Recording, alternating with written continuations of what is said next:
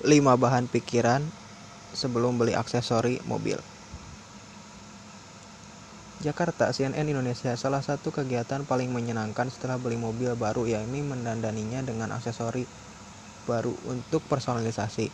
Hal ini sah saja dilakukan, namun perlu dipahami aksesori tak bisa sembarangan dibeli.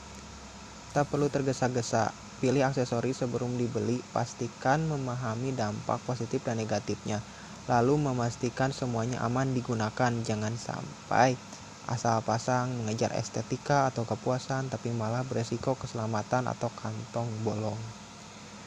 Berikut ini langkah yang harus diambil saat ingin membeli dan memasang aksesori mobil mengutip Auto 2000.